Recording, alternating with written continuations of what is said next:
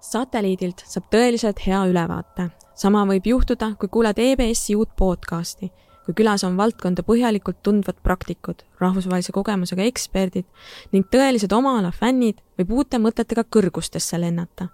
eneseareng ei ole vaid sprint ja koolis käimine, see on elukestev õpe. EBS-i podcast'e juhib majandusajakirjanik Siiri Liiva. saateid saab kuulata nii Apple podcastides, Spotify's kui ka Youtube'i kanalis kuidas juhina oma meeskonnale keerulisi teemasid serveerida, kas tänapäeval on veel kohane rääkida tagasisidest või pigem edasisidest ning mida väärtuslikku on õppida skeptikutest kolleegidelt. seda räägime täna Katrin Oblikase ja Martin Šmutoviga. mina olen saatejuht Siiri Liiva. Katrin Oblikas on juhtimise meeskonna coach kelle juhtimiskogemus ja väärtused pärinevad suuresti rahvusvahelisest suurkorporatsioonist Mars Incorporated, kus ta töötas Baltikumi tegevjuhi ja globaalse B&O meeskonna liikmena. Katrin on juhtinud ka partnerettevõtet ja loomakliinikute gruppi. praegu on ta nii ISF Estonia president kui ka õppejõud mitmes EBS Executive Educationi programmis Katrin usub, et vaatamata ettevõtte tüübist tulenevatele erisustele, aitab just oskuslik vestluste juhtimine kõige paremini sihile jõuda meie teine tänane külaline Martin Šmutov on meediajuht. viimased viis aastat on ta olnud Eesti suurima päevalehe Õhtulehe peatoimetaja, kuid ajakirjanduses on ta töötanud alates kahe tuhande kolmandast aastast ehk kokku ligi kakskümmend aastat. Martin on kahe tuhande kaheksateistkümnendast aastast ka ajakirjanduse eneseregulatsiooni organi ehk pressinõukogu liige ning sellest aastast ka selle juht juhina usub ta, et iga inimene peaks ennekõike keskenduma nendele ülesannetele, milleks ta on ettevõttes palgatud tere tulemast satelliidile! meie saate alguses on traditsiooniks saanud selline äh, isiklik küsimus ja minu esimene küsimus äh, seekord on, et äh, millal oli teil viimane keeruline tööalane vestlus ja äh, millega see lõppes? Martin, alustame sinust. viimane keeruline tööalane vestlus oli minu jaoks Äh, jah, keeruline. Keer,, halb, halb def-, defineerida, et mis see keeruline on, et täna oli ka üks vestlus, kus ma üritasin ühte inimest palgata, ma ei tea, kas see on nagu keerulise all, aga aga võib-olla mitte, et aga paar nädalat tagasi siit oli meil, kui me sulgesime niisuguse väljaande nagu Linnaleht, ehk siis oli vaja terve toimetus, kõik inimesed koondada, et noh, see, see minu jaoks tõenäoliselt keeruline ei ole, sellepärast et noh, minul on töökoht alles, aga see on ikka selgelt keeruline nende inimeste jaoks, kes ootamatult sellise teate saavad. kui palju seda, eks ju, ette aimata või mitte, aga, aga ootamatu ta kindlasti on ja see keerukus, eks ju, see põhineb siis tegelikult selles, et kuidas proovida nii enda ettevõtte kui ka noh, enda poolt siis ütleme juhina, enda poolt ka ettevõtte, aga enda poolt ka kui niisugune noh, lihtsalt inimese poolt neid nagu toetada selles ja noh, aidata kas või siis seda järgmist sammu siis kuidagi nagu astuda. et see on see keerukuse pool, et ma pakun, et see mm. -hmm. kui palju neid inimesi oli seal? Ütleme kümmekond, et kui võtta, see ei ole ainult toimetuse pool, aga no ütleme kõik reklaamimüüjad ka, et aga need vestlused olid nagu selles mõttes pooleks, et reklaami poolega rääkis reklaamijuht, toimetusega rääkisin mina mm. -hmm. sest noh, meil äh, Õhtuleht kirjastuses on äh, toimetus ja reklaam on selgelt nagu eraldi mm, -hmm. et äh, eraldi vastutavad ja eraldi siis on, olid need vestlused samamoodi mm. -hmm. aitäh, Martin, Katrin? mina võtaksin näite võib-olla natukene teisest kaliibrist ehk et selles mõttes äh, täna hommikust. Äh, oli vestlus, kus me oleme samas projektis äh,, aga nii-öelda eripartnerid suuremas projektis ja ja, ja ma nimetaks seda vestlust võib-olla keerukaks selles mõttes, et äh, et vaja oli aru saada, mida, mida teine mõtleb äh, oma e-kirjas, mille ta oli just nagu va-, varasemalt saatnud ja see oli väga oluline vestlus. sellepärast, et, et oma mõtted lahti rääkides saime aru, mida keegi tegema peab ja kuhu me välja jõudma peame. ehk et mis olid need olulised kokkuleppekohad. ja, ja sellest võib-olla natukene keerukast taustast sai tegelikult üsna lihtne lahendus mm. -hmm okei okay,, et alguses tundus, et see kuidagi nagu raske on üksteisest aru saada ja siis äh, alguses äh, tundus, kui sa äh, e-kirja loed, siis, siis nende ridade vahelt sa noh, nagu mina lugesin seda oma hetke emotsioonist, teadmata, mis emotsioonist see sai kirjutatud teiselt poolt ja ja, ja selleks oligi oluline nii-öelda see üle rääkida ja, ja, ja saada, saada see koht selgeks see on üldse üks väga oluline võtmekoht suhtluses, ma arvan, et ärge kirju saatke kunagi, et kunagi, ütleme see nii-öelda, see on nii-öelda ajakirjandus, kus töös on see väga selge, et kui sa kirjutad ka näiteks uudislugu või ükskõik mis mingit lugu, siis sinna irooniat ei saa peita, sinna ei saa nalju peita, sellepärast et sa kunagi ei tea, kuidas lugeja seda loeb, aga see täpselt samamoodi käib igasuguste töövestluste kohta, et et mina olen saanud ka nii-öelda peatoimetajana märkuse töötajalt, et kuule, et mul on arv, ma arvan, et inimesed ei saanud aru, kas sa teed nalja või sa ei tee nagu nalja, noh, mingi, mingil teemal. või siis noh, sama, eks ju, kiri, nagu sa praegu kirjeldad, et noh, see täpselt see, et mis tooniga keegi mingit kirja loeb, et see võib oleneda täiesti noh, nii-öelda hetketunnist, et äh, suuline vestlus, näost näkku vestlus, eks ju, number üks, aga noh, telefonitsi on täpselt sama, sa kuuled, eks ju, seda häält, sa tajud mingit meeleolu, äh, kõik need asjad, mida sa tegelikult kirjas mõtled ise juurde ja kui sul on halb päev, siis sa mõtled selle kümme korda hullemaks, kui see tegelikult nagu on. et äh, ärge saatke meile, et kasutage normaalseid ehk siis vanu suhtlusvahendeid, helistage telefoniga või, või siis... saage kokku ja veel parem, aga noh, tänapäeval on see, et ütleme siis Skype'iga või midagi muud, et Teamsiga, et sest viirus ja kõik muud jutud. ja hoidke distantsi okei okay., aga siit edasi minnes, et see on praegu äh, hea koht, kus edasi minna, et äh, Katrin, mis on olulisemad vestlused, mis ühel näiteks keskastme juhil äh, tuleb oma töötajatega kas individuaalselt või kogu tiimina pidada? Klassikalised vestlused on ju, ju need äh, kasvõi see, et, et kes meile tiimi lisandub või äh, kes meie tiimist lahkub, äh, sellised klassikalised nagu noh, emotsionaalselt võib-olla laetud vestlused, aga mulle tundub, et minu kui, kui nii-öelda meeskondliku coach'i seisukohalt on ühed keerulisemad vestlused, et mis meie ühine eesmärk on mida me koos saavutada tahame ja, ja, ja see, et, et sellest nagu kõik ühtemoodi aru saaksid. kui, kui need vestlused on peetud, siis ülejäänu tundub olevat kuidagi oluliselt lihtsam.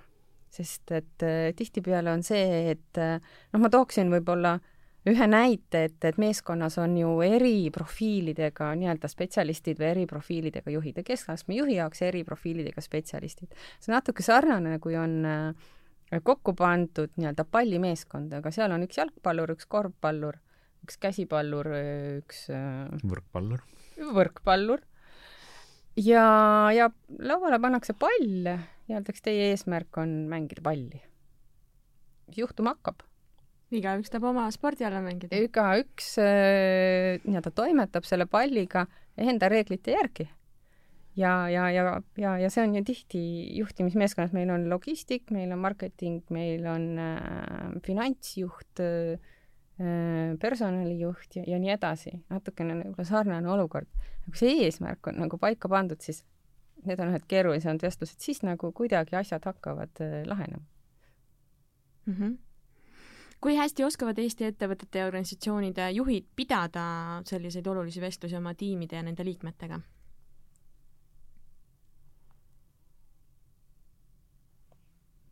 Nüüd tuli vaikus, et äh, no puhtalt kõhutunde pealt, ma saan aru, et on tõenäoliselt väga raske mingeid uuringu tulemusi siin välja tuua, et äh, aga kuidas see nagu üldine mulje või tunne on? minu üldine tunne kohtades erinevate meeskondadega, et, et see läheb, läheb järjest äh, paremaks. Ja, ja võib-olla sellel põhjusel, et, et on vähenenud selline arusaam, et just juht peab olema see kangelane, see heroistlik äh, lähenemine ja, ja seetõttu kuidagi muutuvad need vestlused lihtsamaks, sest meeskonna roll kaasarääkijana ja koosloomepartneriga, partnerina järjest suureneb. ma tahaks küll uskuda mulle tundub, et neid meeskondi nagu tuleb järjest juurde mm. -hmm. okei okay,, no Martin, mis sa arvad?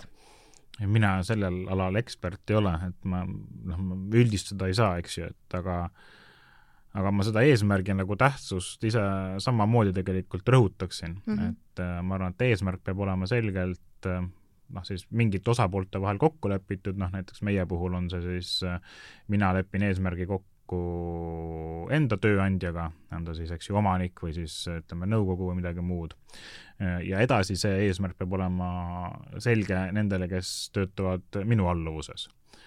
ja noh, edasi ongi tegelikult, võiks olla nagu lihtne, et kui on üks selge eesmärk, siis võiks kõik suuta seda teada, mis on une pealt ja kõik meie tegevused, eks ju, selle järgi joondada ja noh, minu asi ongi siis põhimõtteliselt kõrvale astuda või küsida, et mis teil on vaja, et seda eesmärki, eks ju, täita ja siis üritada need vajadused luua, et seda eesmärki saaks iga osakond nagu täita. Äh, nüüd, mis on nüüd nagu kõrval Äh, mis on nagu teine võimalus, on, on see, et äh, ma siin naljatlesin mingi nädalakene tagasi ühe töökoha üle ja küsisin, et kas ma võiksin ka sinna kandideerida ja noh, inimene, kellega ma rääkisin, saab, sai muidugi aru, et ma tegin nalja, ütles, et jaa, sul on kindlasti need oskused kõik olemas ja ma ütlesin, et oi, et ma ei tea, et äh, kui on nii, nii hästi nüüd see olukord, et noh, et mis minu, mis minu ülesanne oleks selles ametis, et mis sa, mis sa, kuidas sa seda nagu defineeriksid. mille peale ta ütles, et, et ütle parem ise, et mida sa nagu teha tahaks. see on, noh, vot selline lähenemine nagu mulle nagu väga, no mina, ma ei saa sellist lähenemist nagu, ma võiks öelda nagu võib-olla aru.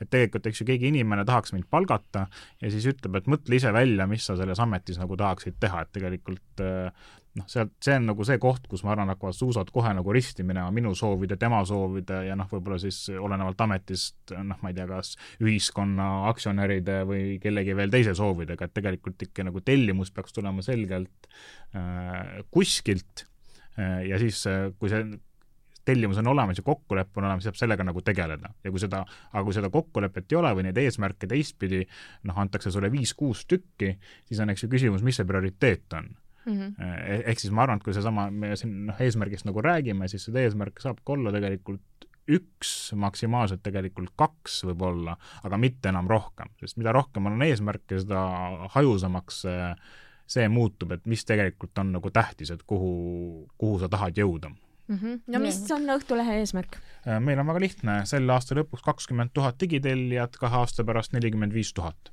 olete sellel rajal? sellel aastal on kakskümmend üks tuhat on praegu juba ületatud, et selle aasta eesmärgi me oleme täitnud, neljakümne viie tuhande et kui lüüa nüüd Excelisse ja vaadata kasvu, siis meil natukene jääb veel puudu. ehk siis noh, see nii-öelda äh, ennustus, kuhu me jõuame, on alla neljakümne viie tuhande praegu, aga noh, see, et asjad, mis me praegu teeme, on selleks, et kahe aasta pärast see nelikümmend viis tuhat oleks ikkagi ületatud ja noh, rõõmuga võin öelda, et see digitellimuste müük meil Õhtulehes üha hoogsamalt läheb, ehk ma eeldan, et see nii-öelda ennustus Exceli tabelis hakkab ka nii-öelda järjest paranema ja on ka paranenud, et ta tõuseb järjest ülespoole ja see neljakümne viie tuhande järjest lähemale, nii et kui me sama hooga jätkame, siis ma usun, et me saame selle kätte aga noh, see ongi selgelt, eks ju, see on üks fookus ja selle nimel on kõik ülejäänud meie tegevused lähtuvad sellest. mitte midagi muud sellel nii-öelda kõrval ei ole mm. -hmm. Katrin? et sa enne küsisid, et mis on äh, keerukad vestlused, me rääkisime eesmärgi püstitamisest ja, ja seal on teine keerukas, tegelikult selle vestluse keerulisem pool on see, et mida me ei tee. et kui see, see eesmärk on juba paigas, äh, siis on nagu siht selge, kõik teavad nii-öelda Mm, kus on äh, sellel pallil nii-öelda, kus see värav on mm, -hmm. kuidas see sinna, mis kokkulepete järgi see sinna toimetatakse, aga keerukad vestlused on, on just need, et, et millestki tuleb ju äh, noh, vähemalt mingiks ajahetkeks loobuda mm. -hmm okei okay., no Katrin, mis äh, hinnangu sa annaksid, kuna sa töötad coach'ina ja sa tõenäoliselt oled näinud palju juhte, palju meeskondi, mis hinnangu sa annaksid Eesti ettevõtete juhtide tagasisidestamise kultuurile?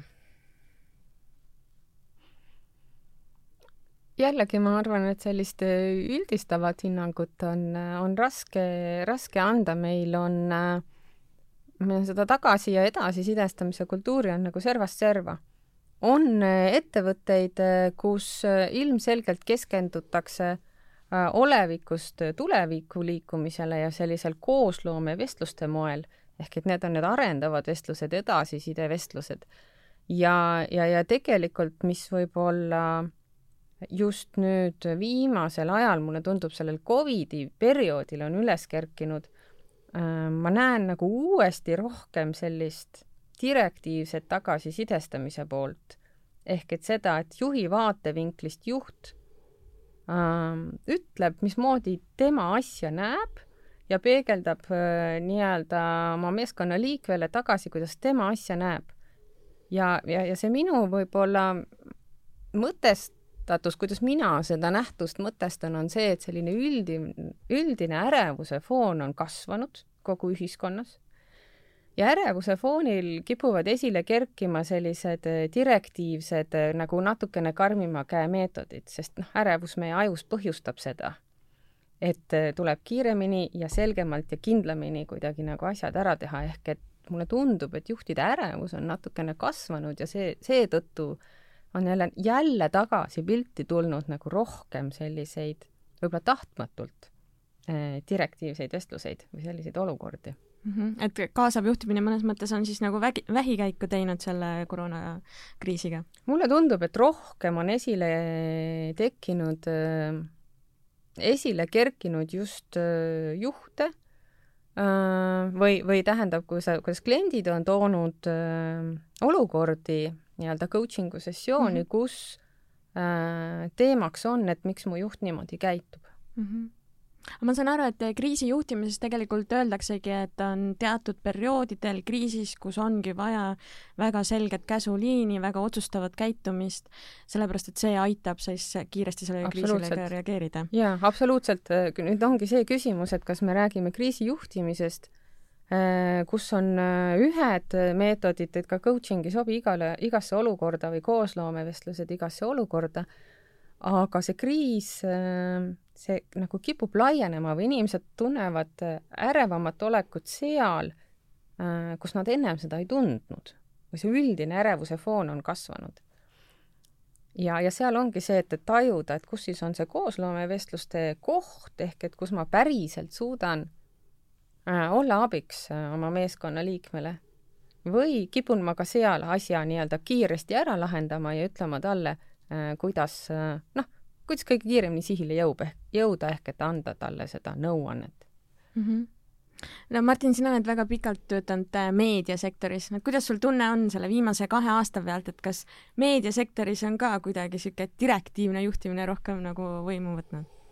No vot jällegi ma ei oska kellegi teise eest ju rääkida, et ma ei ole üheski teises toimetuses sees, et äh, ma ei tea, kuidas seal otseselt peatoimetajad, eks ju, igapäevaselt mhm. juhivad, et ma võin öelda, et mulle see peatoimetaja, noh, ma ei tea, isikuna või millegi muuna meeldib, aga noh, ma ei tea tema juhtimisstiili, eks mm -hmm. igapäevast, et äh, kas äh, käib ja käsutab, kärgib või hoopis kiidab või hoopis midagi vahepealset, et seetõttu on mul väga keeruline nende tööstusharu eest rääkida, et ma saan mm -hmm. rääkida ainult Äh, Õhtuleht kirjastuse eest, et äh, see on nagu oluline täpsustus kindlasti, et noh, siin, kui, kui teil on noh, niisugust teist kogemus, eks ju, keegi tuleb teie juurde noh, mingite probleemidega, muredega, siis te saate äkki üldistada, et noh, minul niimoodi väga ei ole, et noh, ma ei tea, et äh, Äripäevast, Postimehest, Päevalehest, Ekspressist iga päev inimesed kirjutavad ja räägivad, mis on neil rõõmud ja mured nende osakonnajuhtide või peatoimetajatega, et see on natuke nagu teistmoodi.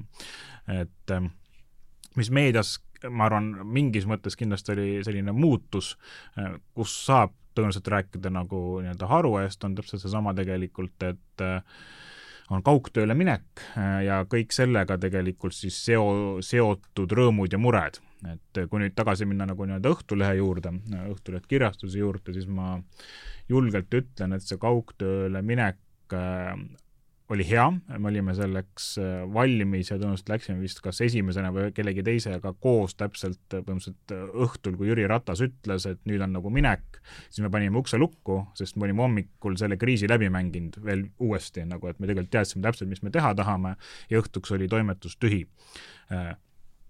Et, et selles mõttes on nagu hästi, et eks ju, et kriisiks on kõik val-, olid kõik valmis, saime ilusti hakkama, aga nüüd on see nagu see murekoht ongi see, et et sa toimetuses näed ja tajud, mitte siis ainult peatoimetaja tasandil, aga ütleme, osakonnajuhtide, kolleegide tasandil seda, kui kellelgi on mingi mure ja see on nüüd nagu siis kõige tähtsam koht, et noh, rõõmud on ikkagi rõõmud, aga mured sa läbi arvuti, kui isegi ka sageli kaamera ei tööta, sa alati ei taju, sa ei, sa ei näe, see on sama ärevus, mingisugune kart, mingid asjad, mis jäävad nagu rääkimata, mida sa võib-olla saad aru siis, kui kolleeg on sinu kõrval. Ja see ei tähenda, eks ju, ainult ülemus alluv, alluv ülemus, mingit äh, juttu, vaid see tähendabki kolleeg kolleegiga tegelikult juttu, sellepärast et noh, töökollektiiv ei ole ju ülemus ja alluv ainult, eks ju, niimoodi, et ainuke suhe, vaid seal on palju erinevaid niisugune äh, suh-, suhterägastikke ka lä- ja lä-, ja ka läbi osakondade, eks ju, et sa kuskilt ikka leiad endale mingit tuge. aga olles üksinda kodus, siis selle toe leidmine, me just kartsime, et on väga raske, praegu meil on selline ostame sisse nõustamisteenust, et inimesed saavad äh, minna, meie ei tea, kes lähevad, et meie maksame, eks ju, selles mõttes ainult arve, aga et ütleme, kui kellelgi on noh, mingi niisugune madalseis, siis on alati võimalus ka kuhugi nagu pöörduda, et et see kaugtöö on äh, selles mõttes tore, et mingid inimesed äh, läksid ja ei ole tänaseni tagasi tulnud, et ju see neile nagu sobib, nad ütlevad, hoiavad kokku autosõitu, bussisõitu ja enda aega ja kõike muud ja see on, äh, selles mõttes on ta vahva, teistpidi ta on tegelikult noh, need ettevõtte mõttes ka see risk ja ka, ka see, eks ju, murekoht, et on mingid asjad, mis võib-olla jäävad märkamatuks, mida me kindlasti muidu oleksime märkanud või peaksime märkama ja selle, see, see, see tekib, see teeb tänaseni muret tegelikult, et kuidas jõuda nende kohtadeni, kus me peaks tegutsema mm. -hmm. et on nagu mingid blind spot'id nagu tekkinud põhimõtteliselt? Äh, ma ei tea, kas on, aga ma kardan, et on, on see vist pigem mm -hmm. öelda, eks ju mm, -hmm. et äh, aga kas on, noh, eks viie aasta pärast oleme targemad ja siis saame öelda, kas need otsused, mis said tehtud, olid hästi tehtud või mitte, et aga noh, tagantjärgi on alati kõik targemad mm. -hmm. Katrin, tahad lisada midagi?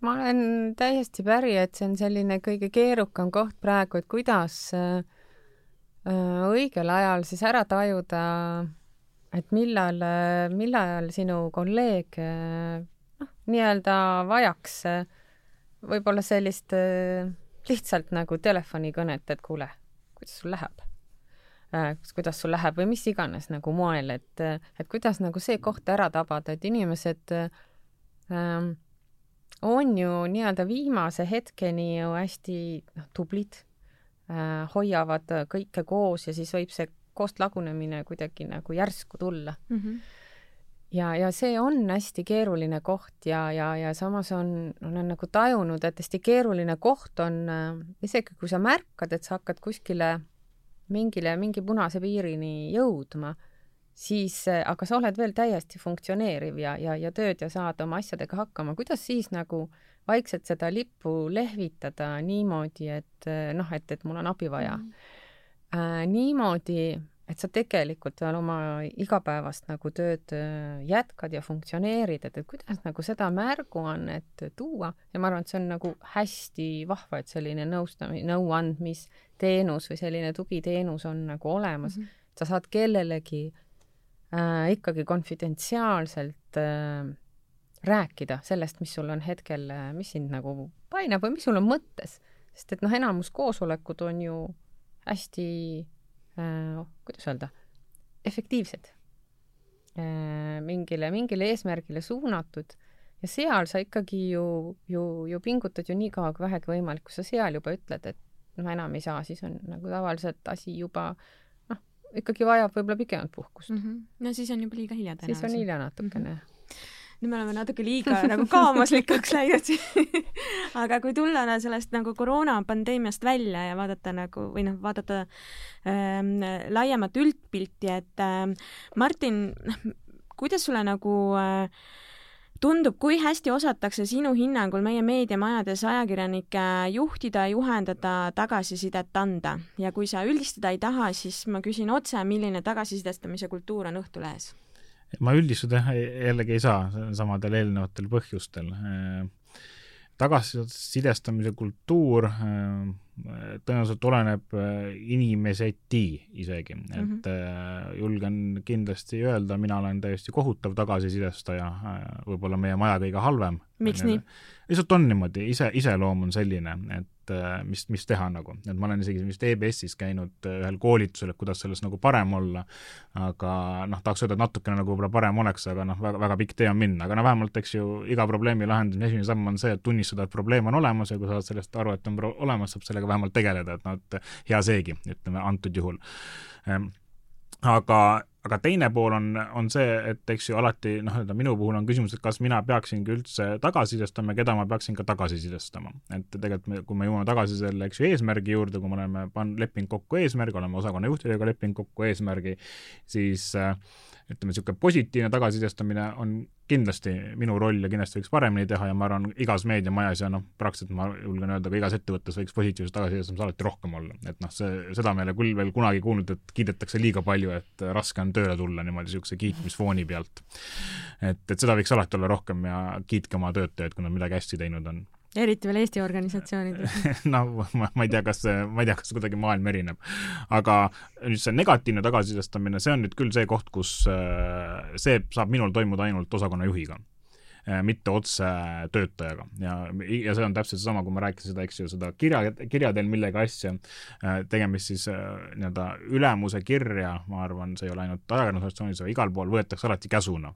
et näiteks noh, meil on Õhtulehes niisugused jututoad, kus on toimetused koos, üldiselt ma üldiselt olen suutnud vältida seda, et ma kirjutan sinna mõnda enda mõtet, et mida võiks nagu teha, ma olen seda teinud ja võib-olla tegin tänagi mingi ühe korra, aga üldiselt ma väldin seda sellepärast, et see, kui nii-öelda ülemus kuhugi kirjutab, tähendab seda, et käsk on täitmiseks, eks ju, noh, seda kohe tuleb kõik muu kõrvale jätta, tuleb hakata sellega tööle, et, et tegelikult noh, see suhestumine peaks toimuma osakonna juhtidega, samamoodi mm -hmm. ka negatiivne, kui ma näen kellelgi, et keegi teeb midagi kehvasti, siis ei ole see, et mina lähen tema juurde sellepärast, et ta on meeskonna liige ja meeskonna juht otsustab siis, milline on tema meeskond, eks ju, kuidas see meeskond töötab, miks see on ja nii edasi. ja mis on ka nagu siin tõenäoliselt oluline aru saada, on see, et mingites kohtades on eksimine või mingi asja ebaõnnestumine täiesti okei okay.. Need on näiteks niisugused vormid, mida me teeme ka esimest korda, kui nad ei tule välja, sellest ei ole midagi nagu halba, et eh, kui me nüüd eh, meediaettevõttena ei katsetaks, ei prooviks ja teeksime ainult niisugust eh, see vist väljend on siis tasapaksu, et siis tõenäoliselt me ei oleks nii edukad, kui me nagu oleme mm, -hmm. nii digimüükides kui ka,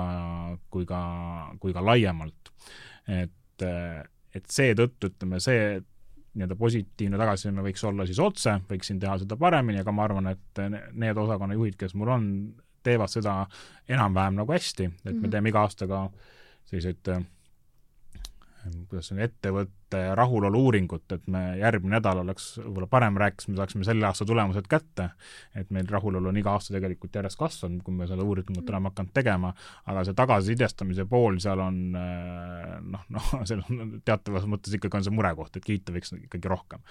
aga negatiivne siis, mis ma tahan öelda, on see, et seal ma arvan, peab väga täpselt mõtlema läbi, kellele, kuidas ja miks, et kas ka iga kord on vaja mm. -hmm. et kui sa näed mingit viga, et kas seda on vaja iga kord äh, öelda, et see tuleb ära parandada või võib esimene kord lasta see mööda, kui see ei ole, eks ju, selline kriitiline asi ja vaadata, kuidas see asi nagu edasi nagu laabub et siin sa enne küsisid mingit niisugust juhtimismotot, et see tuleb vist kuhugi kirjeldusse kirjutada, siis ähm, üks väga hea mõte, mis ma kuskilt nagu nii-öelda olen kuulnud, mida, mida tõenäoliselt võiks siis nagu kasutada ja mida ma ise üritan kasutada, on see, et et sa võid enda arvates olla ettevõtte kõige parem koristaja, aga see tähendab, et sa peaksid koristama et mhm. tõenäoliselt tähendab, et sa ei pea, et igaüks peaks tegema seda, täitma seda rolli, eks ju, milleks ta ettevõttes on. ja mul ei ole mõtet ennast õpetada toimetajale, kuidas toimetada, küljendajale, kuidas küljendada ja reporterile, kuidas äh, siis raporteerida või kirjutada, et need inimesed peavadki seda kõik minust paremini oskama.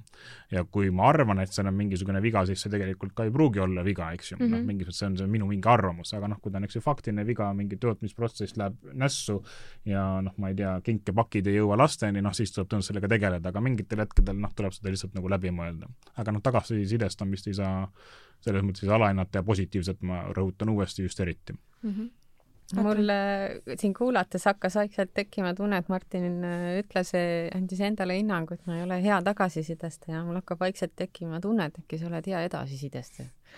sa märkisid äh, ära ühe sellise hästi olulise koha nii-öelda edasiside andmises, et äh, et see raske koht ei ole mitte see, mida öelda, vaid mida mitte öelda.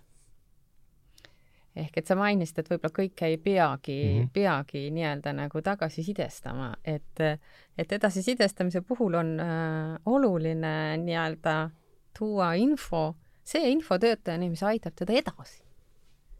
see, mis äh, valesti läks, tegelikult ta teab ise ka juba ju ja see vahest see tagasisidestamine ehk võib-olla nagu negatiivsete kohtade väljatoomine ongi nagu selline soola haava peale raputamine. Ja, ja, ja see tekitabki sellise noh, natukene sellise halvatuselaadse tunde või et noh, meid ju hinnatakse, juht on meile oluline inimene oluline, oluline inimene annab meile alati ikkagi nagu noh, sellise natukene kohtuotsuse laadse sellise tunde tekitab, et ma tegin halvasti ja nüüd mulle nagu öeldaksegi, et, et noh, ma oleks võinud midagi paremini teha, et parim, mis ma sellel hetkel teha saan, on nii-öelda tunnistada, et, et oli jah nii.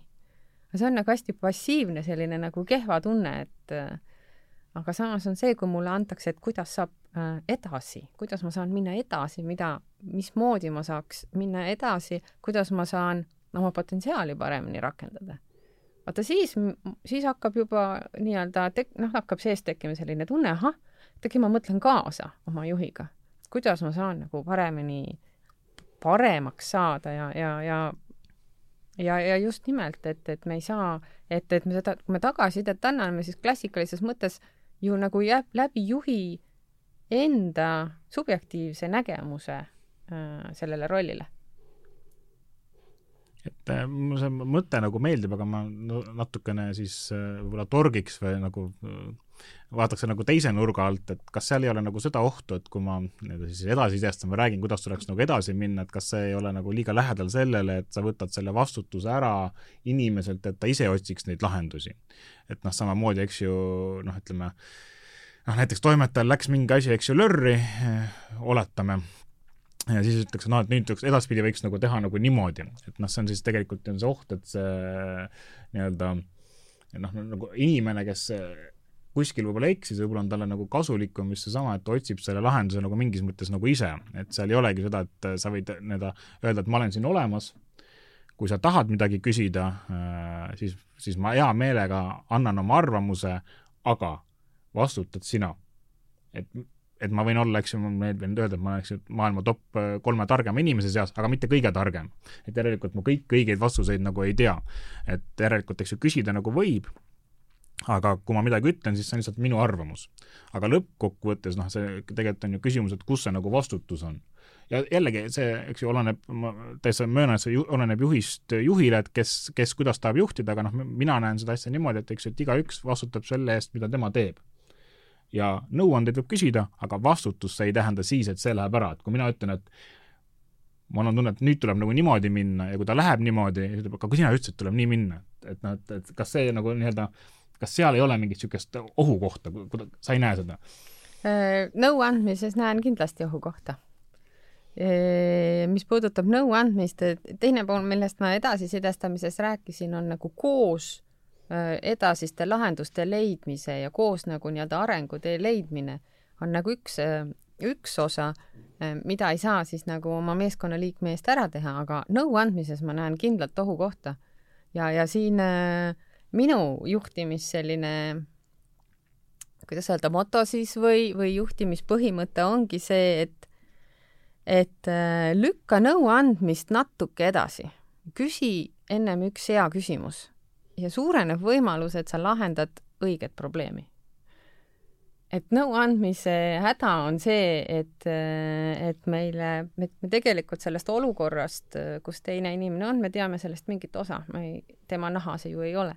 ja kui me hakkame nõu andma, siis võib juhtuda see, et me lahendame valet probleemi et, et nõu andmisel on see, on see risk, aga nõu on ju noh, nii hea tunne anda.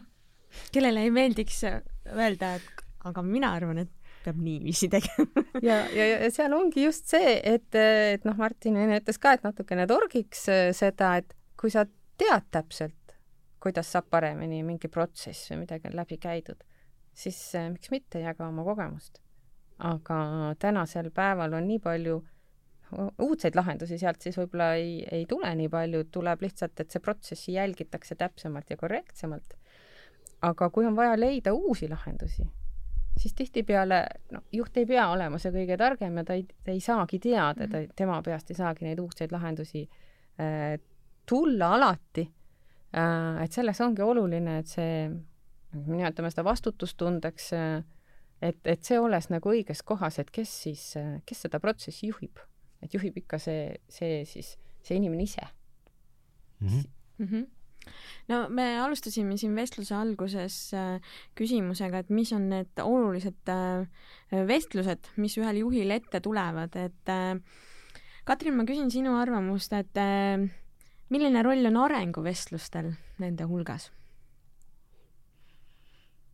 ma arvan, et päris suur roll ja, ja just sellistel arendavatel vestlustel, mida, mis minu hinnangul võivad öö, olla igal ajal. et nad ei pea olema see iga-aastane regulaarne kindla äh, formulariga, mis täidetakse ära? ma, ma arvan, et ei pea, ma arvan, et selles ongi selline nagu lõks, et äh, ja see lõks äh, seisneb selles, et, et noh, lõks seisneb ettevalmistuses vestluseks. Kui sa millekski ette valmistud, näiteks kaugushüppeks, siis sa oma edu hindad selle järgi, kui kaugele sa hüppasid.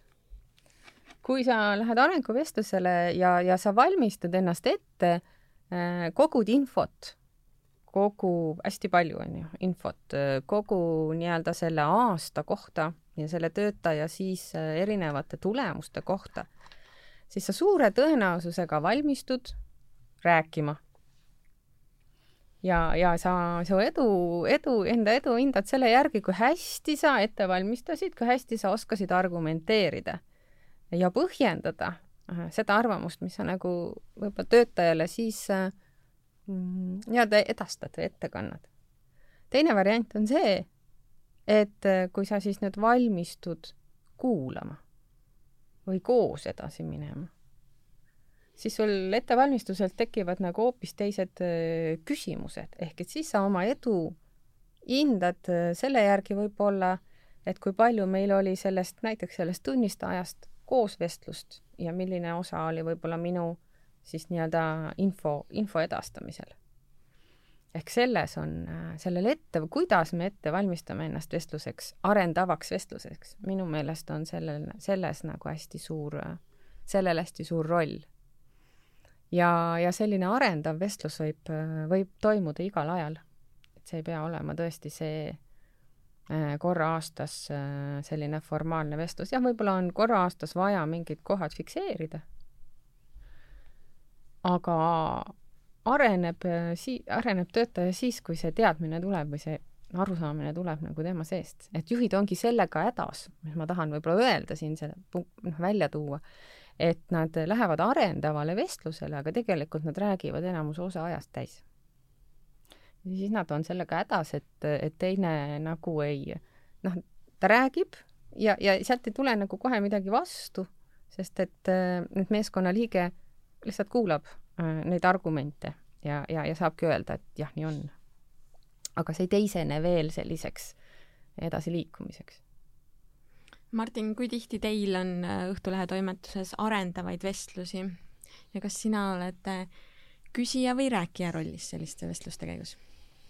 ma olen neid pidanud küll, et äh, esimene tiir, mis ma tegin, oli üldse siis ütleme viis aastat tagasi, kui ma sain peatoimetajaks, siis ma võtsin kõik toimetuse inimesed ette, saatsin neile küsimustiku põhimõtteliselt kõikvõimalike ja mittevõimatute küsimustega ja siis kohtusin kõigiga üks-ühele ka, et sisuliselt Äh, ma ei tea, siis äh, noh, väga suur arv inimesi oli, aga noh, see oli nagu teadlikult selleks, et saada tuttavaks nendega, kellega veel ei ole tuttavaks saanud ja rääkida nendega tegelikult üle, kellega ma toona juba tuttav olin, et siis ma olin äh, veebijuht enne, eks ju, et ma mingit, mingit osa ma teadsin ja mingit osa ma ei tundnud.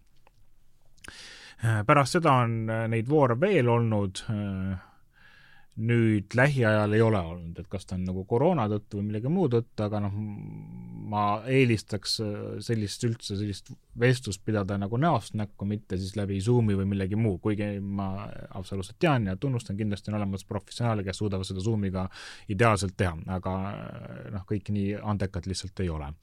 Äh, aga nii-öelda meeskondades neid vestlusi on, olen ka julgustanud tegema, aga kui palju, ütleme niimoodi, või noh, kas on nagu piisavalt, et seda nagu noh, nii-öelda ma arvan, on keeruline on öelda, et pigem, pigem võib-olla on piisavalt, et me oleme suutnud nagu seda meeskonda hoida, keda me oleme, soovime ja noh, järelikult, järelikult midagi nagu ikkagi on ka õigesti tehtud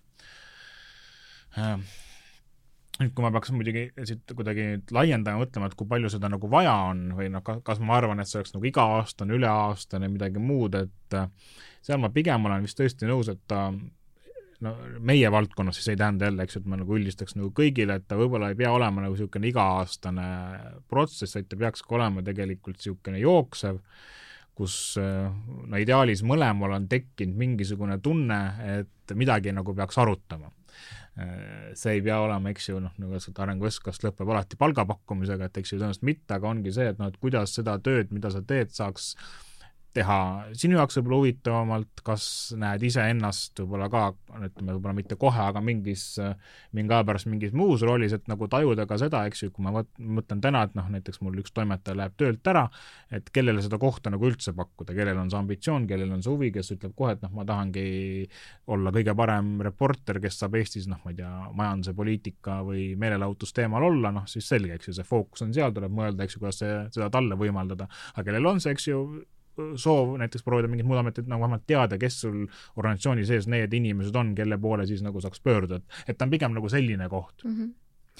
ja kui sa tunned, et noh, et see või noh, et see aeg on mingis mõttes nagu mööda läinud või mingid muud asjad, äh, et siis selle juurde tagasi pöörduda, et, et mis siin on nagu ma arvan, on tähtis jälle, me jõuame jälle vist, jällegi jõuan oma lemmiku äh, lauseni välja, et et võiks panna mingi sellised kindlad äh, eesmärgid, mis lõpevad selle arenguvestlusega, et, et ka seal ei saa ta lõppeda lihtsalt, et noh, sõime siin toredas restoranis äkki lõunat ja lähme nüüd nagu laiali ja vaatame, et äkki saame kolme aasta pärast jälle kokku mm. -hmm. et ka seal tegelikult ikkagi võiks olla mingisugused, ei pea olema maailma muutvad eesmärgid, aga mingid tähised, mille, mida saaks nagu mõõta ja mida saaks vaadata, kas me nagu liigume, nii mina, eks ju, kui sina nagu selle poole.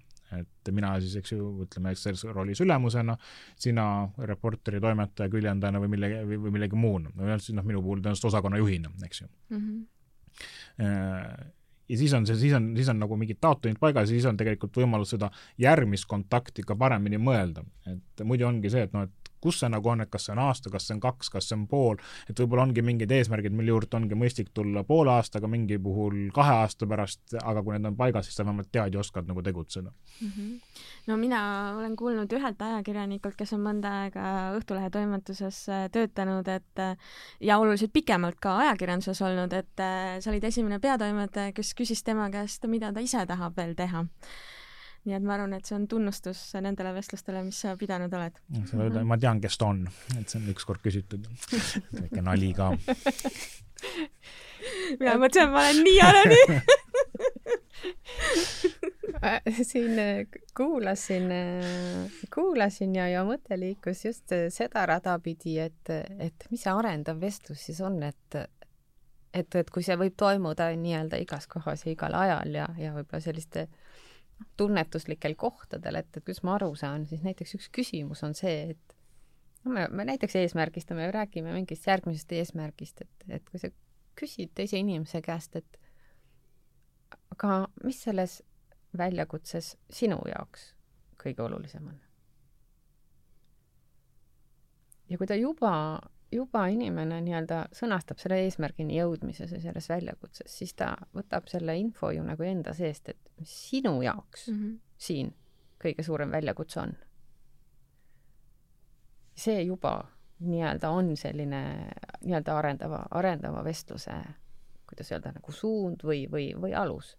sest et eh, eesmärk võib olla sama, aga väljakutsed võivad erinevatele inimestele olla sinna jõudmiseks väga erinevad võib-olla see on see, see on see ka sõnaprobleem, nagu, nagu ikka on, et kui noh, kõik teevad sõna arenguvestlus, siis mõeldakse, et seal peab olema ka mingi meeletu areng nagu kogu aeg, et noh, tegelikult sama hästi võib seda nimetada mingi mahalaadimisvestluseks, eks ju, et mõnikord on võib-olla vaja sul mingis osas suu puhtaks rääkida, kõik hingelt ära saada või noh, siis aga seda hingevestluseks keegi ei nimeta, eks ju, et ikka on vaja mingi areng, et mm -hmm. et seetõttu noh, miks ma ütlen, et või mulle nagu tundub vähemalt, et ta võib-olla ei pea olema alati niisugune struktureeritud üks kord aastas ja räägime arengust, vaid noh, see ongi tegelikult vestlus, eks ju, kahe poole vahel ja kui ta on vestlus, siis tegelikult nagu, nagu sa väga täpselt enne ütlesid, et see tähendab seda, et sa peaks ikka kuulama, et see ei ole arenguloeng, kus siis üks pool peab loengu ja teine kuulab, eks, vaid ongi vestlus, vestlus on see, kus nagu mõlemad pooled natukene räägivad ja ja ka tegelikult kuulavad, aga noh, siin tõesti ma olen selles mõttes nõus, et võib-olla juht peaks nagu veits rohkem kuulama mm. -hmm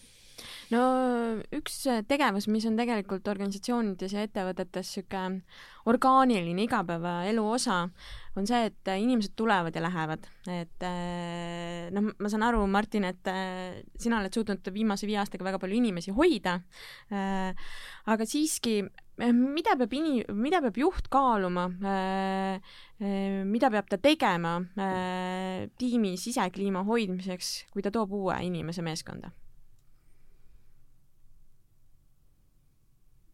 mina saan jälle vastutust lükata igale poole mujale nagu meeldivalt, eks ju, nagu ma ütlen, et, et osakonnajuhid osakonnajuhid jah, vastutavad selle eest, mis tegelikult vastab tõele, sellepärast et see on nende tiim, on ju mm. -hmm. et noh, kui mina sinna sekkuks ja hakkaks seda inimest kuidagi siis välismaakeelne sõna vist on board ima, ma ei tea, mis eestikeelne on siis laevale võtma või pardale võtma, pardale võtma, see on hea sõna, et noh, et siis, siis see võib ikka väga lörri võib-olla minna, et nagu miks, et tegelikult eks ta peab sulanduma sellesse meeskonda, kes seal on ja noh, see meeskond saabki teda, eks ju, vastu võtta, igas meeskonnas võivad olla eraldi reeglid, noh näiteks ma tean, meil reklaamiosakonnas on selline täiesti juhend, kuidas ongi ikka siis nii-öelda pardale tulevad inimesed, et mm -hmm. mida tehakse, kuidas tehakse, miks tehakse, mis asjad, eks ju, antakse esimesel mm -hmm. päeval, kuhu järgmisel päeval peole kutsutakse, noh, mis iganes muu see mm -hmm. asi nagu on. et ja aga noh, see täpselt oleneb ka, ju, dünaamikatest mm, -hmm. et iga mm -hmm. toimetus ei ole ühesugune, iga osakond ei ole ühesugune ja e, jällegi, ega praegu ei saa tegelikult sellest mööda minna, kui see toimetus on tühi, siis väga keeruline on nii-öelda rääkida mingist nii-öelda nii-öelda pardale võtmisest, noh tühi selles mõttes, eks ju, et kodukontor, jällegi me räägime, eks ju, kaugtöö mm, -hmm. et siis on see jälle teistmoodi hoopis, et noh, mhm. siis võib-olla minu ülesanne või no meie ülesanne juhtkonnana oleks mõelda, et kus on need kohad, mida me saame meeskondadele, osakondadele luua äh, et nad saaksid mingit niisugust ühistunnet tekitada mm, -hmm. sest noh, mida parem on ühistunne, seda keerulisem on sellest äh, kohast tõenäoliselt lahkuda, ma eeldan mm. -hmm. eks ju, kui sulle need inimesed meeldivad, sa tahad nendega koos olla, sa saad aru, kes nad on, siis on äh, keerulisem ära minna, tõesti, noh, see annab ka muidugi teised positiivsed efektid, mis, mis on, mis me eel rääkisime, ongi see, et saad ennast vajadusel tühjaks rääkida, saad pingeid maandada, sul need mured ei kogune ja kõik mm -hmm. muu, mis tegelikult on veel tähtsam antud, antud asja juures mm. -hmm. et noh, lihtne näide, noh praegu me oleme arutanud, et mida teha jõulupeoga. et kas tõenäoliselt on... neid vestlusi on väga paljudes organisatsioonides. aga noh, kas teha praeguses olukorras suur jõulupidu, toome kokku kakssada võib-olla pluss inimest mm -hmm. ühte ruumi, loodame see hästi ventileeritud ruum, aga ikkagi ühte ruumi ja siis noh, pärast äh, hoiame pöialt, et kõik läheb nagu hästi, no võib-olla ei ole kõige mõistlikum, eks ju.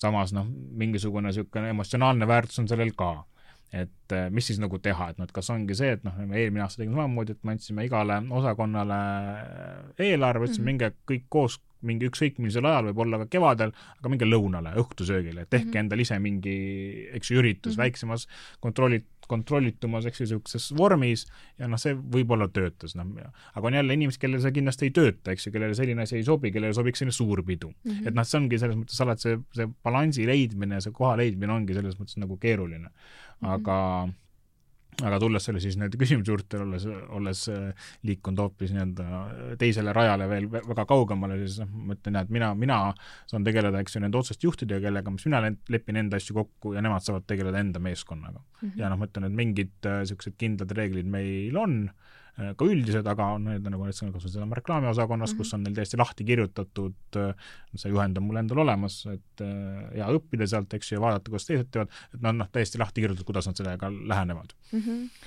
Katrin, kui oluline on, et on mingi kindel struktureeritud sisseelamise protseduurid? mulle tundub, et, et selle see sõltub nendest tööülesannetest, mida see inimene täitma tuleb ja kas selle kindla, kindla protseduuri jälgimine aitab tal nii-öelda kiiremini saavutada nii-öelda kompetentsust oma, oma uuest rollist ja mm -hmm. arusaamist, mida, mida temalt küsitakse. mulle tundub, et, et võib-olla isegi veel olulisem on äh, ma tooksin uuesti sisse selle pallimängu näite, et millest ma alustasin, et, et mis mängu me siin mängime selles meeskonnas, selles osakonnas mhm. näiteks mm. -hmm et, et on see nii-öelda see nähtav osa, et meil on pall ja see on jube hea ju, kui teatakse, et me oleme, meie oleme korvpallimeeskond või, või me oleme võrkpallimeeskond, meil on sellised reeglid. kui need on kirjas, need kokkulepped, siis on väga hea, kui ei ole, siis on lihtsalt võib-olla hea mõelda selle peale, et, et meil on tavaks saanud see või meil on juba paariaastase kogemusena kuidagi välja kujunenud see, et võib-olla tuua nagu selliseid asju äh, nii-öelda uue töötajani just juhi poolt või meeskonna liikme poolt, mis ei ole sellises äh, nii-öelda kodukorras äh, võib-olla kirja pandudki. et kuidas meil on kombeks, kuidas meil on tavaks, meil on niimoodi välja kujunenud, et see, mulle tundub, et oleks nagu või on abiks, see tekitab sellise nii-öelda noh, kodusama tunde sellest, et kuhu sa oled tulnud, et, et mm -hmm. sa Mhm. ei ole mitte ainult äh, tulnud äh, teatud funktsiooni täitma, vaid et äh, sinu tulekut samaväärselt äh, austatakse sinu kui inimese ja meeskonnaliikme tulekut. et sa ennast hästi tunneksid. me praegu Õhtulehes, Õhtuleht kirjastuses siis ähm, mõtleme personalijuhi palkamisele, meil on see Aga Ah, ole meil ei ole jaa, meil on selline äh, võib-olla kas on Eesti kõige suurem ettevõte, kellel ei ole personalijuhti ja viktoriini küsimus tuleb välja uurida.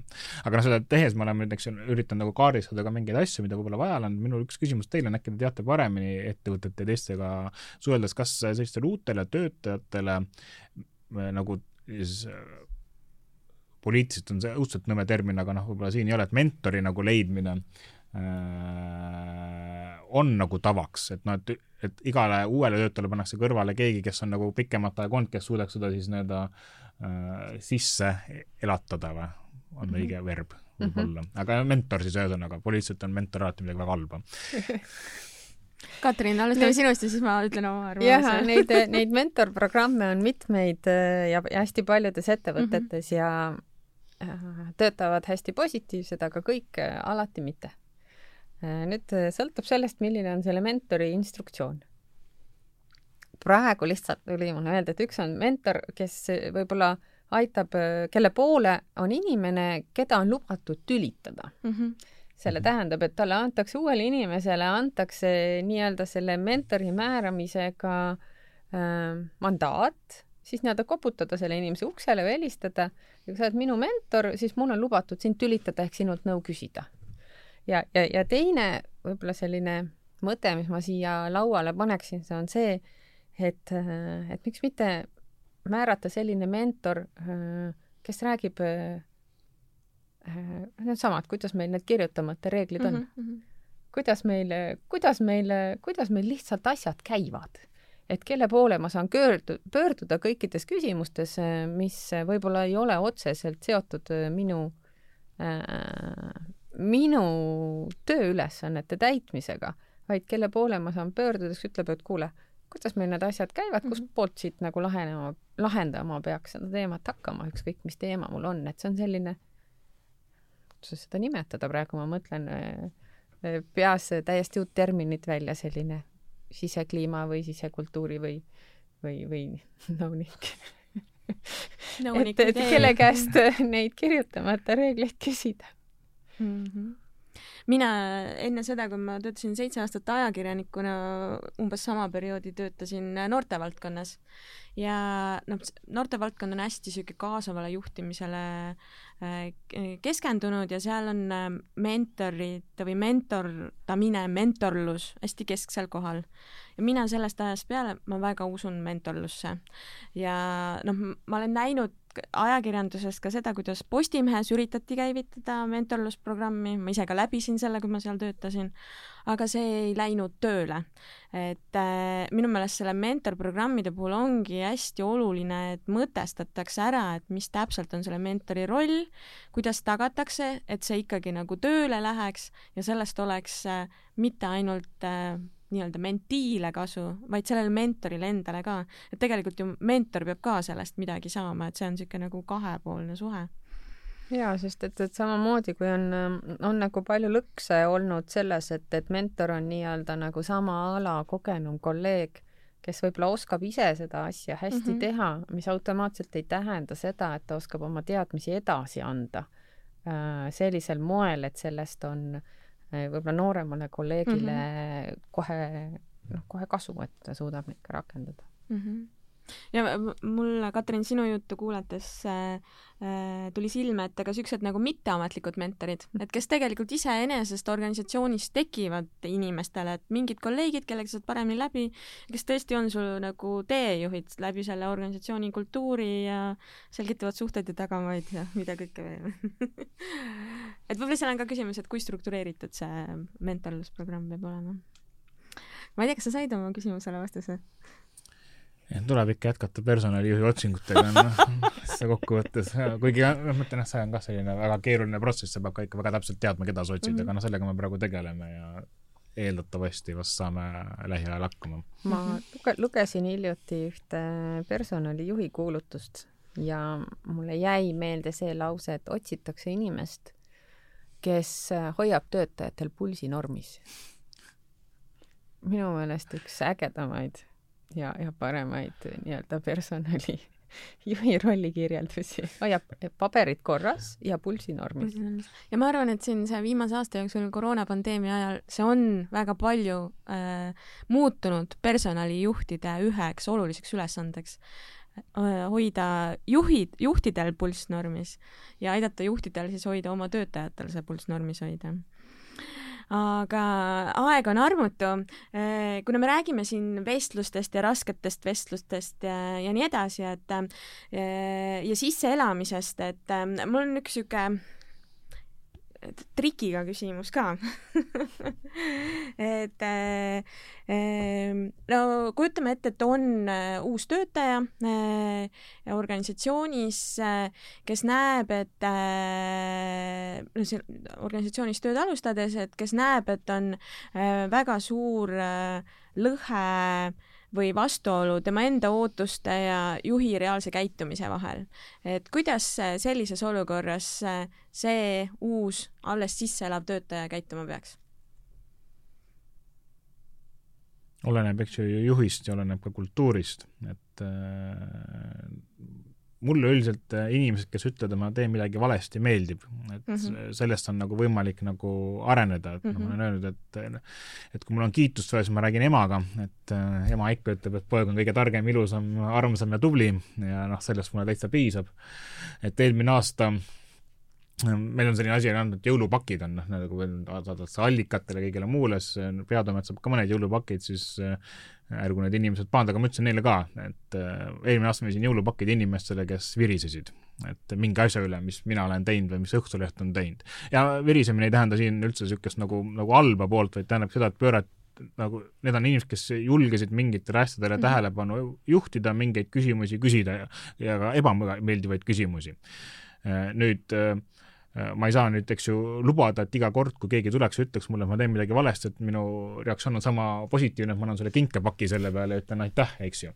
et äh, ja, ja ei saa kindlasti soovitada, et iga kord, kui sa näed, et juht teeb midagi halvasti, siis mine ja ütle talle ja juhtub sama, mis juhtub Õhtulehes, kus on äh, ma ei tea, tore ülemus või kuidas seda tehakse kokku võtta, et et äh, et et äh, seal ei ole nagu head vastust, et tõenäoliselt see ongi mm -hmm. see, kus on vaja seda äh, tööõnne eksperti või klatšimoori või kedagi muud, kes teab, eks ju, kuidas keegi ka reageerib, kuidas mm -hmm. keegi äh, ja, ja, ja kas on see, et ütleme, et kui näiteks ülemusele otsa öelda, kas tal on mingid, eks ju, kaasvõtjad, keda ta kuulab rohkem, kes võtavad sinu muret arvesse, tunnetust arvesse ja kui sa neile ütled, eks ju, siis nii-öelda info jõuab õigesse kohta, aga jõuab selliselt, et et eh, noh, keegi ei vaata pärast sulle mingi kurja pilguga, kui see võib, eks juhtuda, et see, see on nagu selline tunnetuslik küsimus, et noh, et hea on öelda muidugi jah, seda, et me saame kõiki vestlusi pidada niimoodi, et keegi ei solvu mm -hmm. ja mhm. kõik on pärast õnnelikud, aga noh, see ei ole, eks ju, reaalne elu. et, et, et üldiselt ma arvan, et eh, kui seda kuulavad juhid, siis ärge solvuge inimeste peale, kes ütlevad, et te teete midagi halvasti, vaid mõelge, mõnikord võib-olla tõesti neil on õigus, see ei tähenda ka, et eks ju, et neil on alati õigus, see on võib-olla mingi tunnetuse küsimus, aga neil võib olla õigus, et seda tasub kindlasti analüüsida mm -hmm. ja sellistest inimestest on kindlasti rohkem kasu kui inimestest, kes ütlevad, sa teed kõik õigesti.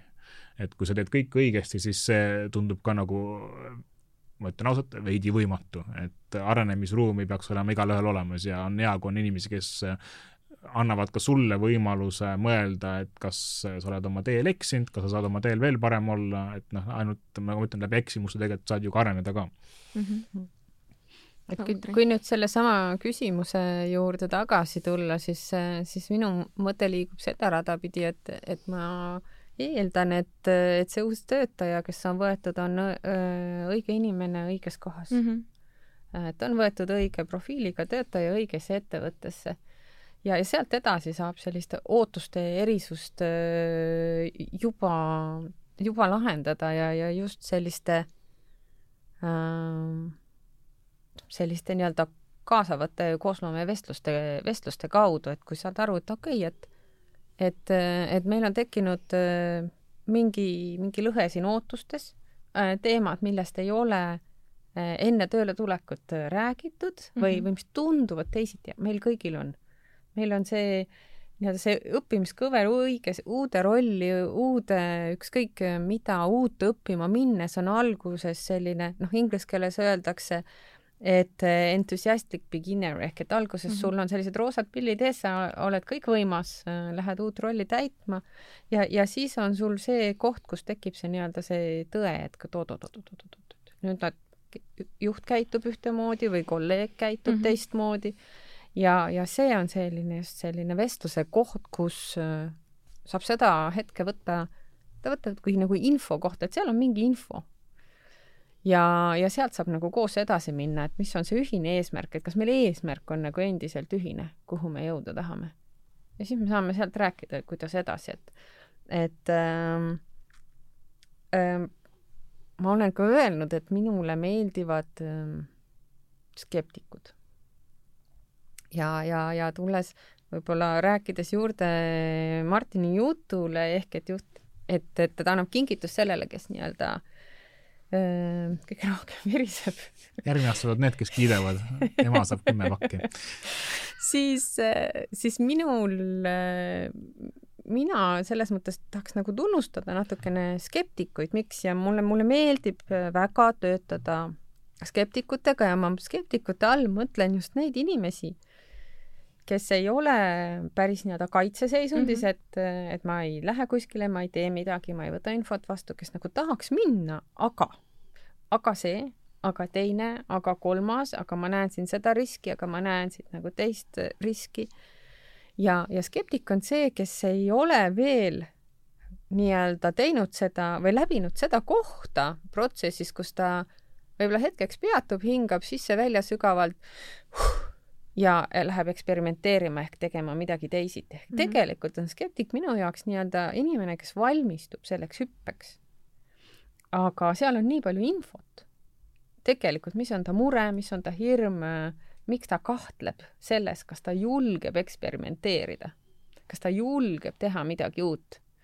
ja see on minu meelest juhi jaoks nagu hästi väärt, väärt inimene, väärt info, kui palju sa saad sealt infot mida omaenda kommunikatsioonis parandada, ettevõtte kommunikatsioonis või mõnes muus etapis.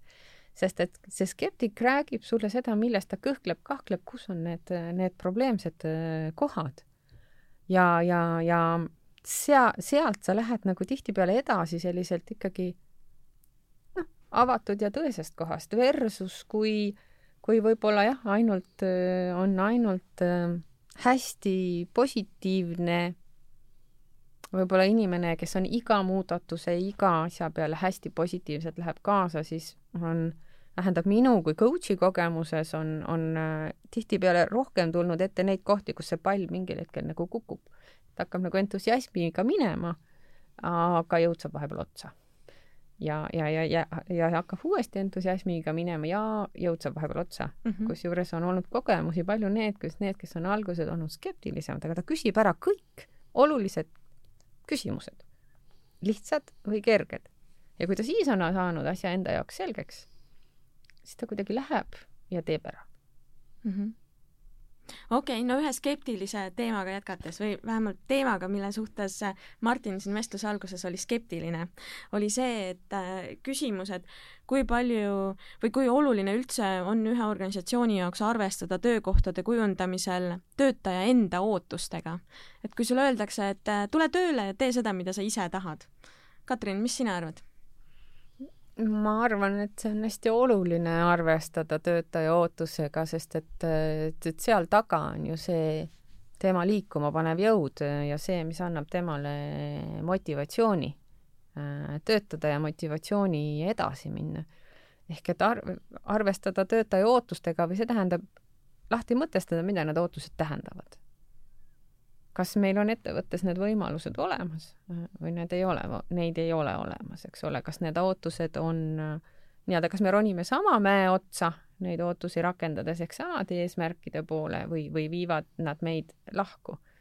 ehk et, et nendest ootustest aru saada on hästi oluline, sest seal on see nii-öelda see jõud ja, jõud ja vägi, motivatsioon, tahe ja ja soov edasi liikuda. Aga üks asi on äh, ootustest arusaamine, teine on töökoha kujundamine vastavalt töötaja ootustele mis siis, kui see läheb ettevõtte eesmärkidega? et ma arvan, kes sa tsiteerisid mind veidi valesti, et äh, meelevaldselt nagu ajakirjanikud nagu ikka, onju. et ma ütlesin, et eesmärk peab olema nii-öelda minu oma mm. -hmm ja saama siis, eks ju, selle inimese omaks, kes tuleb tööle mm. -hmm. see viis, kuidas tema selle eesmärgini tahab jõuda, on absoluutselt tema oma, et selles osas ma ei ole skeptiline, aga ma oleks mm -hmm. skeptiline see, selles suhtes, kui ma võtaks inimest tööle, ütleks, ütle mulle iseenda eesmärk ja siis noh, teeme selle eesmärgiga. sest see ongi täpselt seesama küsimus, see ei pruugi minna ettevõtte mm -hmm. eesmärgiga kokku. me peame tegelikult ära otsustama, eks ju, kõigepealt või noh, kokku leppima selles, mis on ettevõtte eesmärk ja siis ma saan tõesti esitada selle küsimuse ka nii-öelda ajakirjandusjuhina, et et mis sa arvad, mida sa tahaksid teha ise, et aidata meid sellele, nii-öelda selle eesmärgi poole. ja kui ma saan siis need, eks ju, võimalused pakkuda, siis absoluutselt sellega ma olen sada protsenti nõus, nii, nii võikski nagu olla, eks ju mm -hmm., et iga inimene saab teha sellist tööd, mida tahab iga päev teha ja kui see aitab jõuda, eks ju, siis meie puhul neljakümne viie tuhande digitellijani kahe aasta pärast siis miks ma peaks seda keelama mm, -hmm. eks ju, kas hakkab tööle või ei hakka tööle, see on nagu teine küsimus. aga kui inimesel on nagu kirg, siis pigem see hakkab, eks ju, kui see, et ma ütlen, et et okei okay,, et nüüd ma ütlesin sulle eesmärgi ja nüüd ma ütlen sulle ka, kuidas sa pead seda tegema, eks ju.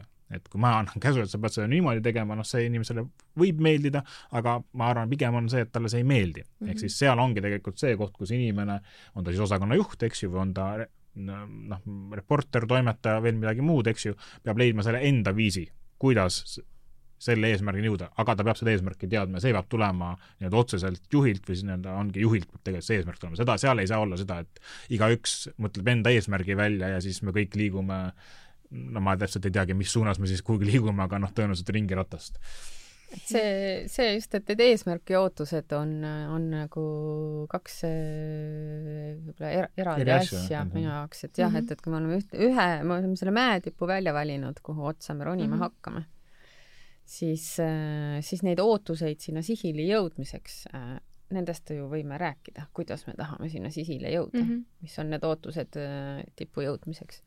aga oluline on jah, see selgeks teha, et meil ikka nagu tipud oleksid samad, nagu mm -hmm. see pallimäng, et, et me mängiksime sama mängu mm. -hmm okei okay,, siin ma pean kahjuks sisulisele vestlusele joone alla tõmbama, aga teen seda koos teie abiga. et äh, algab Küs... mittesisuline osa pange ennast valmis ei, aga et võtta see sisuline osa kokku. Äh, lõpetuseks ähm, kolm niisugust ähm, konkreetset vestluste juhtimise või siis ja või ja või edasisidestamisega seotud märksõna, mida kuulaja võiks kindlasti sellest arutelust kaasa võtta. Katrin, alustame sinuga üks on see, et äh, ettevalmistus. mõtle, äh, kuidas sa oma edu nii-öelda defineerid mm, -hmm. oma vestluse edu, ehk et milleks sa valmistud mm. -hmm. teine edasiside vestluse puhul on see, et vähem on rohkem. mõtle, mida sa ütlemata jätad, ehk et mis on see info, mis on kindlasti vaja sinna tuua, sinna vestlusesse ja kolmas on see punkt, et jäta aega äh, nii-öelda plaani loomiseks, et kuidas siit edasi mm. -hmm. no väga head märksõnad. Martin äh,? võib-olla, et äh, pane paika eesmärk, sest eesmärgist me oleme palju rääkinud. jaa, oleme. teiseks äh, pane paika äh, milleni see tahetakse jõuda või on kokkulepe, ehk siis mõ-, mõ-, mõõdetavad niisugused äh, mõõdikud mingid ja kolmas, ma ei tea, loe Õhtulehte, telli Õhtulehte, telli Eesti ajakirjandust.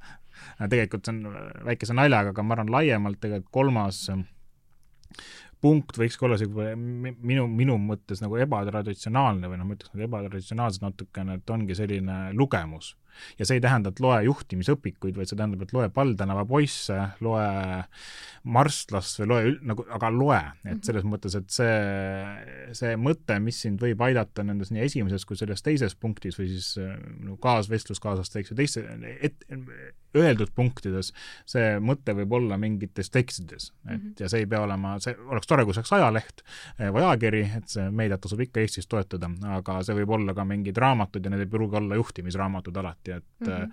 et mulle väga meeldis, viimati lugesin niisugust äh, raamatut nagu Underground Railroad, Colston Whitehead ja oleks tahtnud täis kriipsutada, nagu seal on täitsa niisugused noh, nii-öelda elulised kohad, mis aitavad tõenäoliselt kõiki neid vestlusi pidada, et mm -hmm. see on väga tähtis, ma arvan mm -hmm.. niisugune silmaring, ütleme siis kõige laiemalt selles mõttes võib-olla mm. -hmm. ma täiesti nagu niisugust äh, random kõrval, kõrvalpõikena või märkusena ma ütlen, et mulle väga on meeldinud need Õhtulehe viimase aasta välireklaamid, et äh, ma, ma võib-olla mäletan seda sõnastust valesti, aga vist oli see, et Ehm, et maailm on värvilisem või, või yeah. midagi midagi sinna suunas, et, et niisugune nagu väga-väga hea reklaam. aga nüüd me tuleme selle mittesisulise ja traditsioonilise lõpuosa juurde, et kus siis äh, kõik külalised saavad vastata iga kord äh, samadele küsimustele ja teie ei pääse ka nendest. ja, ja ma esimese küsimuse küsin ikkagi juhtimisraamatute kohta et äh, mis on see üks juhtimisraamat, mida soovitaksid lugeda kõikidel, keda paeluvad juhtimisküsimused ja väljakutsed. ja Katrin, alustame sinust. ja minu soovitus on Michael Bungay-Stanieri The Advice Trap mm. -hmm. ehk et äh, kuidas, äh, no inglise keeles on see Tame your advice monster ehk et kuidas siis nii-öelda lükata seda nõuandmist nat-, natukene edasi ja lubada sinna sisse natukene uudishimu, mis annab tõenäoliselt selle tulemuse, et sa lahendad õigemat probleemi mm. -hmm. No sellele sa oled korduvalt siin vestluse käigus ka just, just. viidanud mm. -hmm. ja hästi lihtne, äh, selline lihtne, kerge, noh, natuke naljakas äh, lugemine mm. -hmm. aitäh, Katrin, Martin! et see, kes on juhtimisraamatut ennast lugenud, see teab, kust mul see üks eesmärk, mõõdikud ja kõik muud jutt tuleb, et seda ma ei soovita. et selle ma rääkisin ise siin, konspekteerisin teile ära. Mõtlesin jah, et see on niisugune klassikaline. jah, et äh, Äripäeva kirjastuselt saab seda raamatut osta, kui ma ei eksi, eesti keeles ka, kui te inglise keeles ei taha lugeda Äh, koos kõikide muude tabelitega, mida saab täita, aga, aga see selleks, et äh, minu soovitus, mis seal podcast'i all vist on ka kirjas, oli Tim Harfordi raamat, pealkiri on väga, väga pikk, aga räägib numbritest ja tegelikult räägib nagu skaalast ja sellest, et kuidas mingil hetkel tasub numbritele mõelda mm. -hmm. et äh, et mingid asjad, mis mingis kontekstis võivad tunduda väga suured, võivad teises kontekstis olla väike, väga väikesed, tõenäoliselt on ka murede ja probleemide ja kõige muuga nii, et mõni mure, mis võib mingil hetkel tunduda väga suur, siis äh, võib-olla ta nii suur polegi, et see annab sellist noh, nagu ma ütlen, Val tänava poisile natuke mm -hmm. teistmoodi lähenemist võib-olla sellisele juhtimisele, et ma täiesti juhtimis, juhtimisraamatut ei tahtnudki meelega nagu soovitada mm. -hmm okei okay,, väga hea. teine küsimus, mis on see üks soovitus, mida sa alati juhtimise kohta annaksid? ja Martin, jätkame sinuga. Äh, olen juba ühe korra siin öelnud, aga see ongi seesama lause, et äh, mis ma ühel koolitusel ka sain, ma arvan, see on kõige parem lause, mis ma üldse koolitustel olen saanud, on see, et et sa võid enda arvates olla ettevõtte kõige parem koristaja, aga kas see tähendab, et sa peaksid koristama, et mm -hmm. tõenäoliselt ei tähenda, et see tähendab seda, et sa peaksid tegelema sellega, milleks sind on tööle võetud mm. -hmm. väga hea, Katrin? Äh, samuti ikka käib see sellesama nõuandmise kohta, et et äh, küsi üks küsimus ennem, kui sa annad nõu mm. -hmm. väga järjepidev ja, ja just see, et, et me tegelikult teame äh, oma vestluskaaslasest, kuigi meil on tunne, me teame tast vähe, kuigi meil on tunne, et võib-olla me teame probleemist palju äh,. aga küsi üks küsimus ja, ja tõenäoliselt äh, nii-öelda oleme lahendusele palju lähemal mm. -hmm väga hea. Äh, ja viimane küsimus on niisugune sissevaatav vestluse lõpuks, vaatame enese sisse. et äh, mis on see üks oskus, mida sa tunned, see ei pea tingimata juhtimisoskus olema, aga võib, äh, mida, et sa pead enda juures veel arendama? Katrin? ma panin nii-öelda mõeldes sellele podcastile täna panin midagi kirja, aga nüüd ma selle podcasti juures olen, jooksul olen ümber teinud ja ma saan aru, et ma ilmselgelt äh, tuleks lugeda rohkem ajakirjandust. Kindlasti asi, mida, mis minus vajab arendamist. No väga tore, koos loome siinsamas äh, podcasti ja näed, selle küsimuse ma olen ka ära vastanud juba, seda ma vist juba ütlesin, et äh, ma arvan, et samad üks-üks vestlused tegelikult Äh, veelgi enam tõenäoliselt kiitmine mm. -hmm. et kiitmist ei ole kunagi liiga palju mm. -hmm see on väga hea asi, mida välja tuua, seda ei ole selle saate jooksul kordagi keegi välja toonud. nii et äh, aitäh kiituse eest naljakat on. ei, noh, kohe rakendame praktikasse. Aga selline oligi siis meie tänane saade. Äh, aitäh, Katrin, aitäh, Martin, äh, aitäh ka kuulajatele ja järgmise korrani. see oli EBS-i podcast Satelliit. Saateid saab kuulata nii Apple podcastides, Spotify's kui ka Youtube'i kanalis